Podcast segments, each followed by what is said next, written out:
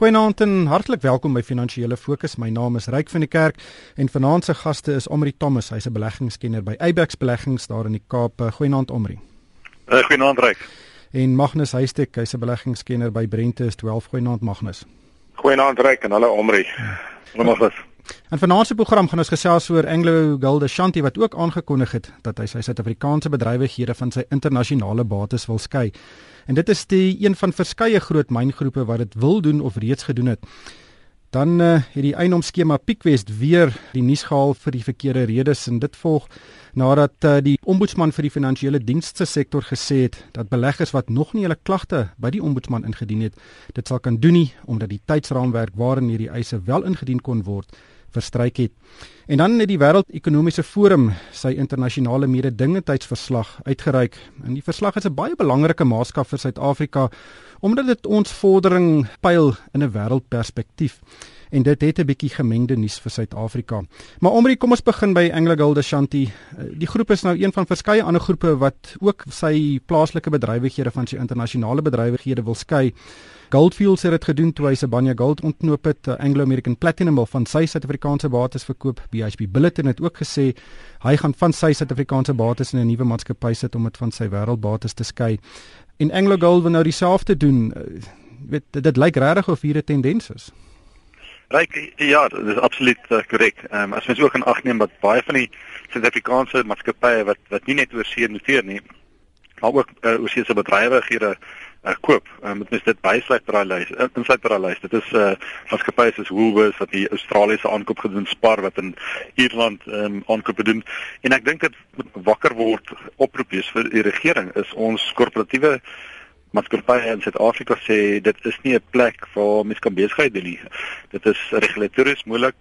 Daar's uh, arbeidsonderus en ehm um, dit is moeilik om groei te kry. So uh ek dink Anglo Gold nou die nuutste een en da, hulle dink daardeur kan hulle baie waarde ontsluit want internasionale beleggers sit 'n diskonto op 'n maatskappy met 'n Suid-Afrikaanse uh, notering gegee al die probleme en as hulle hulle oorseese bates apart noteer dink hulle hulle kan 'n premie aanslag kry op op op daai deel van hulle besigheid. So ek dink dit kan ook waarde vir beleggers ontsluit. Uh, maar een van die groot aandeelhouers in Anglo Gold baie gekant uh, teen hierdie skuif. So mens moet sal moet sien hoe dit ontwikkel. Ja, dis natuurlik John Paulson, uh, hy besit groot verskansingsfondse, maar dit is suiwer uit 'n beleggings um, uit. Hy sê daai uh, ontknoping of hierdie transaksie gaan aandeelhouers se waarde bietjie verwater. Maar Magnus Rob Davies, minister van Handel en Nywerheid het die week gereageer hierop en gesê, weet dit is 'n diversifikasie van die Suid-Afrikaanse mynbedryf. Nommer 1 en nommer 2, daar's baie mense wat in 'n in 'n ry staan om in Suid-Afrika te belê. Want ek is nou nie bewus van daai ry nie. Uh ek praat gereeld met mense in die mynbedryf en hulle sê eenvoudig uh, daar's bitter bitter min buitelandse beleggers wat wat belangstel om nuwe myne of nuwe fabrieke in Suid-Afrika op te rig. Juist vir daai redes wat uh, jy en Omri genoem het. Dit is baie moeilike sake klimaat, die, die teikens word heeltyd verander, die reëls word verander. En en dit is 'n tendens en dis 'n dis 'n reël, dis 'n tendens wat al 'n geruime tyd opbou maar besig is om baie vinnig spoed op te tel. As jy nou kyk na Woolworths en Spar soos Omri sê en en selfs Investec en en die ou Mutual en daai maatskappye wat oorsee genoteer is. En ook die feit dat as jy mens die afgelope paar maande en selfs jare gaan deur die jaarverslag van die groot maatskappye almal kyk buite of noord van ons grense vir uitbreiding vir investering. Hulle investeer nie in Suid-Afrika nie. En die ondertoon is baie duidelik Suid-Afrika is nie meer 'n sakevriendelike uh land nie. Dit is eenvoudig net te te moeilik om om hier sake te doen. Ja, Omri, daar's twee tipes ehm um, wel die dinamika is besig om te verander. Jou groot Suid-Afrikaanse maatskappye begin buite Suid-Afrika kyk vir groei geleenthede. Hulle sien nie meer daai geleenthede in Suid-Afrika nie terwyl hierdie myngroepe wat uh, reeds bedrywighede reg oor die wêreld het, weet spanne draad om die Suid-Afrikaanse bedrywighede omdat hulle dink dit hou meer risiko in vir die waardasie van hulle internasionale bedrywighede. Ryk mens kan hulle nie kwaliek neem nie. Uh as jy sê luister na al die praatjies van nasionalisering, as jy kyk na wat in die mynbedryf gebeur het op die op die arbeidsfront en hoe die regering uh, dit benader het en eintlik half geïgnoreer het, is daar 'n uh, uh, gevoel in Suid-Afrika dat die kapitaalemark heeltyd moet voorsien en dat dit 'n 'n goue gans is, maar daai goue gans is besig om om vinnig uh, nek omgedraai te word en uh, en dit gaan ook groot uh, arbeidsgevolge hê in Suid-Afrika. So ek dit is dit is 'n kultuur wat mense moet omdraai wat wat nie oornag gaan gebeur nie en ek dink dit gaan dalk nog 'n rukkie duur voor voor mense dit kan omdraai. En so intussen dink ek gaan en mense kan hulle nie kwaliek neem, jy gaan meeste van die korporatiewe kyk waar kan hulle beter groei geleenthede kry en beter beleggingsgeleenthede. So uh, Anglo Gold gaan nie die die laaste een wees wat wat ons sien wat uh, hulle bedrywighede probeer diversifiseer deur oorsee te gaan nie. Ryk ek het ek het nou net 'n uh, syfer gelees dat koöperatiewe Suid-Afrika sit met 500 miljard rand in kontant wat hulle nie kan belê in Suid-Afrika nie. Hulle sit met geweldig baie geld, maar hulle wil dit nie in SA belê nie en hulle hulle hulle soek maniere om dit in die buiteland te belê. So jy daar jy het ook nog valuta beheer wat wat dit ook keer maar dit is nie is nie 'n goeie teken dat ons groot maatskappye net uit uit wil gaan nie. Meen dan daar behoort geleenthede te wees veral vir werkskepping en dit gebeur tans op nie op die oomblik nie. Magnus, eh, kom ons gesels gou oor Piekwest. Eh, dis natuurlik 'n eiendomsbeleggingsskema wat hier so in 2008 2009 in die moeilikheid geraak het. Maar 'n interessante brokkie nuus het hierdie week um, aan die lig gekom en dis dat die ombudsman vir die finansiële raadgewers nou beslis het dat geen nuwe eise teen raadgewers ingedien kan word nie omdat beleggers nou al vir meer as 3 jaar daarvan weet en dat uh, daai eise nou um, eintlik verstryk het. Magnus, wat gaan hier aan? Wel, maar korrek. Dit was 'n 'n luisteraar wat 'n e-pos vir my gestuur het uh, en en en en aangeheg het die die die antwoord van die ombud wat gesê het die feit dat die eiser 3 of meer jaar geweet het van die moontlike verlies uh, beteken dat sy nie meer 'n uh, eis kan indien nie. En en ek dink die beginsel sal dan natuurlik geld vir alle beleggingsskemas, nie net Pickwest nie. Dit sal geld vir Shemax of enige ander skema waar jy jou geld uh, verloor het. Dat daar is 'n 3 jaar afsnypunt soos met slegte skuld. En ek dink nie ek was ek was nie daarvan bewus nie en ek dink nie die publiek is daarvan bewus nie. Jy sal ook onthou dat Chemex 'n uh, paar maande gelede beleggers gedreig het hulle al hulle geld sal verloor as hulle gaan kla by die ombud. Ek, ek het 'n vermoede hulle was bewus van hierdie 3 jaar afsnypunt en hulle juist mense probeer afskrik om te gaan kla by die ombudsman. So ongelukkig nog 'n uh, 'n jammerlike uh, verwikkeling in die hele weet die, die Chemex en die Pickway saak is. So mense moet onmiddellik gaan kyk wat is die toedrag van sake kan hulle nog 'n eis instel en, en indien hulle wel moet hulle dit onmiddellik doen.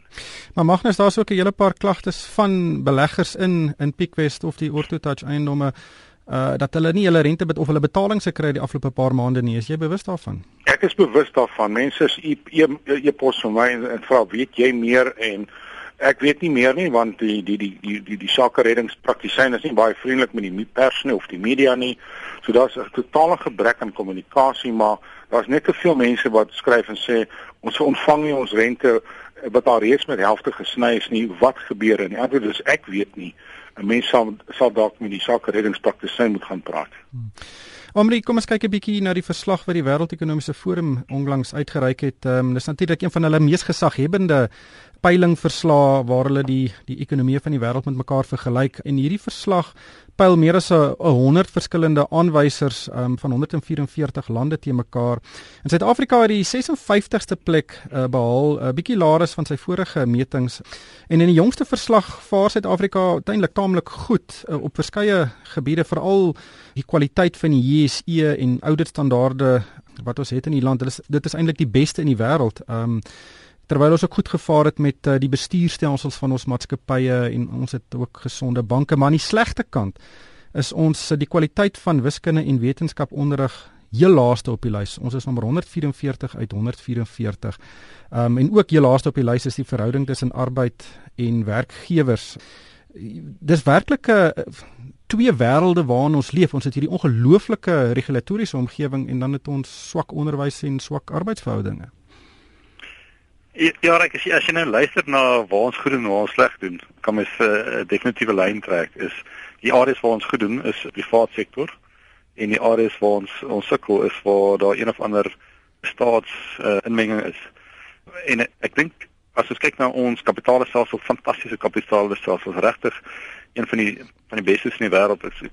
Ons kyk hoe ons dit ons bankstelsel ook deur die finansiële krisis uh, gekom, heeltemal ongeskaad. So ons kapitaalmarkte werk goed ons ons verhandelbare uh, ons, ons beurswerk goed. Die finansiële stelsel werk goed. Ons ons bestuurspanne in Suid-Afrika word van die hoogstes aangeslaan in die wêreld.